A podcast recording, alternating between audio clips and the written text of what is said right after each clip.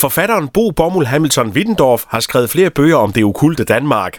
Jeg fik en snak med ham for at høre om de okulte ting, der er i vores område. Og lad os da bare starte i Haderslev med UFO'er. UFO'er er jo noget af det, som jeg har taget med i den her bog, som jeg ikke har haft med i, i ret mange af de andre øh, i ret høj grad. Og det er fordi, at jeg fandt ud af, at der faktisk var nogle mønstre i landet, som gjorde sig gældende. For eksempel er Odense den by i Danmark, som du har højst sandsynlighed for at se en UFO i, øh, når du bevæger dig rundt øh, i den indre by. Men det, der så også sker med historierne, sådan de generelle okulte historier, det er øh, jo, jo længere væk vi kommer fra København, jo mere blodigt og, og voldsomt bliver det. Og noget af det har jo selvfølgelig at gøre med, at København var det første sted i landet, der fik gadelys. Men der er sgu også noget andet, der gør sig gældende. For eksempel de der øh, lange øh, veje, mørke veje nede i Sønderjylland, hvor øh, der øh, var en politibetjent, øh, som øh, har haft en, øh, altså faktisk en ret øh, dokument, veldokumenteret og også ret velbeskrevet UFO-oplevelse to gange oven i købet øh, på, på motorvejen, øh, som jo så senere hen også er blevet bekræftet af, af øh, den danske luftmæssige efterretningstjeneste. Så, så, så, så hele den her øh, historie, det er det, du ved, nogle gange så har vi sådan nogle UFO-historier, der simpelthen bare hænger sammen, hvor man har, man har et, et pålideligt vidne, altså i det her tilfælde en dansk politibetjent, der kører rundt i hans øh, Volvo Amazon, øh, hvad hedder det, Volvo i 60'erne, og så op i 70'erne også, og to gange bliver overfaldet af en UFO, og så den her bekræftelse fra, fra de danske myndigheder. Så de der veje nede på de sønderjyske, dem skal man altså tage vare på, eller så skal man køre ud på dem, hvis man har lyst til at få en UFO-oplevelse. Det virker som om, at der er rimelig gode chancer dernede.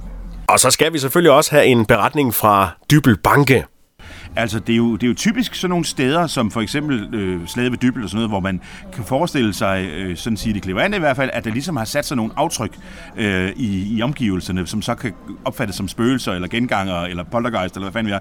Jeg havde en lille smule svært ved at få, få, øh, få Travl Sønderborg op, øhm, øh, da jeg skrev øh, de her bøger her, og, og, og, og så ringede jeg til øh, en, øh, en, en spøgelsesgruppe, som øh, kunne fortælle mig, at de er som lige været nede på, øh, på øh, marken nede ved Dybel øh, Mølle for at optage afdøde soldater, så sagde han, nå, det var fantastisk.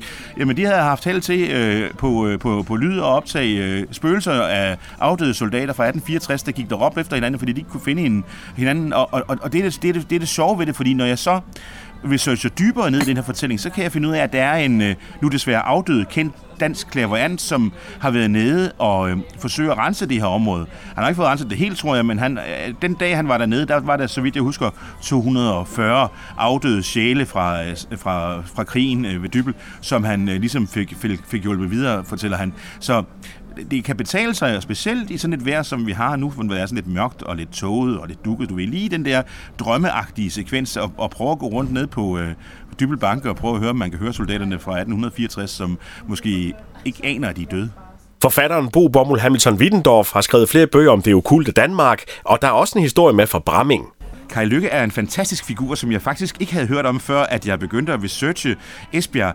Øh, fordi øh, nu er Esbjerg jo ret ny som by, kan man sige. Mm. Men der er jo omkringliggende ting, som jo er ret gamle, og, og Kai Lykke er jo, hvad kan man sige, en, en, øh, en falden adelig fra, fra førhen, som jo var en, lidt en skidtkæl og meget en snydpels. Og øh, hans liv, det øh, endte bræt, øh, da han faldt af sin øh, hestevogn, og øh, hvad hedder det, knækkede nakken øh, var så kraftigt, at øh, der var ikke råd til en begravelse, så han blev bare sat nede i kælderen på hans herregård. Og øh, efterhånden som kroppen så gik i forrådnelse, så skilte hovedet sig fra kroppen, så meget var nakken brækket. Øh, så så der, der går i, øh, i, i dag også øh, øh, hvad hedder det, historie om, at man på hans øh, herregård, som jo i vores dage faktisk jo er øh, øh en del af hele Karl Lykkes golfbane, øh, den er opkaldt efter ham, kan man sige, der kan man høre Kai Lykke, der løber efter hans øh, afrevne hoved om natten, og problemet er, at hans krop ikke kan se, hvor den er, så hver gang den er lige ved at fange hovedet, så sparker den til det, så triller det videre. Øh, men det, det er jo, altså, Kai Lykke er en meget, meget pussy figur, som, som, som der var værd at, at undersøge noget mere. Hans, jeg kan forstå på det hele, at nu Kai Lykke er jo nævnt flere gange i mine bøger, og det er ligesom om Kai Lykke, øh, hvad hedder det, øh, fortællingerne er taget til. Så, så vidt jeg ved, så er Kai Lykkes øh, kranium vandret fra at være på lager på Esbjerg Museum, nu til at være en del af hovedudstillingen på Esbjerg Museum. Så der kan man tage ud og hilse på Kai Lykkes øh, afragende kranium, som jo i øvrigt er anerkendt for at være et meget primitivt, næsten andersal-lignende kranium, øh, som man mener i virkeligheden ikke han har været særlig klog heller. Så der er en adelsmand, som øh, i sin tid er kommet op og slås med kongen, og som er kommet meget, meget uheldig afsted, og som stadigvæk øh, løber efter sit spøgelseshoved om natten op på herregården, og hvis hovedet nu er udstillet på museum, så kan det næsten ikke blive mere ukult, vel? Det er en, en skidegod historie. Og slutteligt, så skal vi have en ret uhyggelig historie fra Esbjerg. Det er en fuldstændig vanvittig historie. Det er sådan en historie, som man regner med at skulle bygges ind i Twilight Zone eller en anden form for tv-serie det relaterer sig igen til 1864. Det er en mand, der har været soldat i 1864, som kommer helt skændt hjem til sin familie. Og øh, i det her hus, der står der så en øh, sådan, sådan en standardklokke.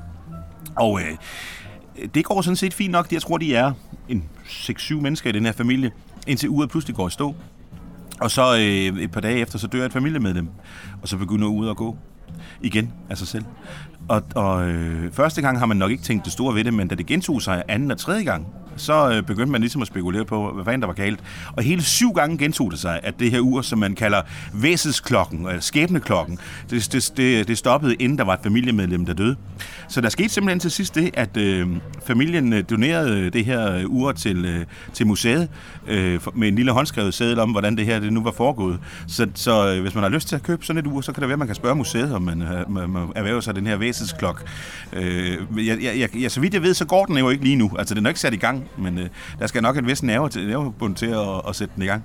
Det er måske ikke lige den mandelgave, man gerne vil have. Nej, det er helt fantastisk. Men det, det er sjovt, ikke? Fordi det er igen det der med, at sådan helt normale øh, dagligdags ting faktisk kan være omdrejningspunkt for noget, der så bliver pudsigt eller uhyggeligt eller øh, ukult. Sådan lød det fra forfatter Bo Bommel Hamilton Wittendorf, der har skrevet flere bøger om det okulte Danmark, som du jo kan dykke længere ned i, hvis du kan klare flere uhyggelige historier.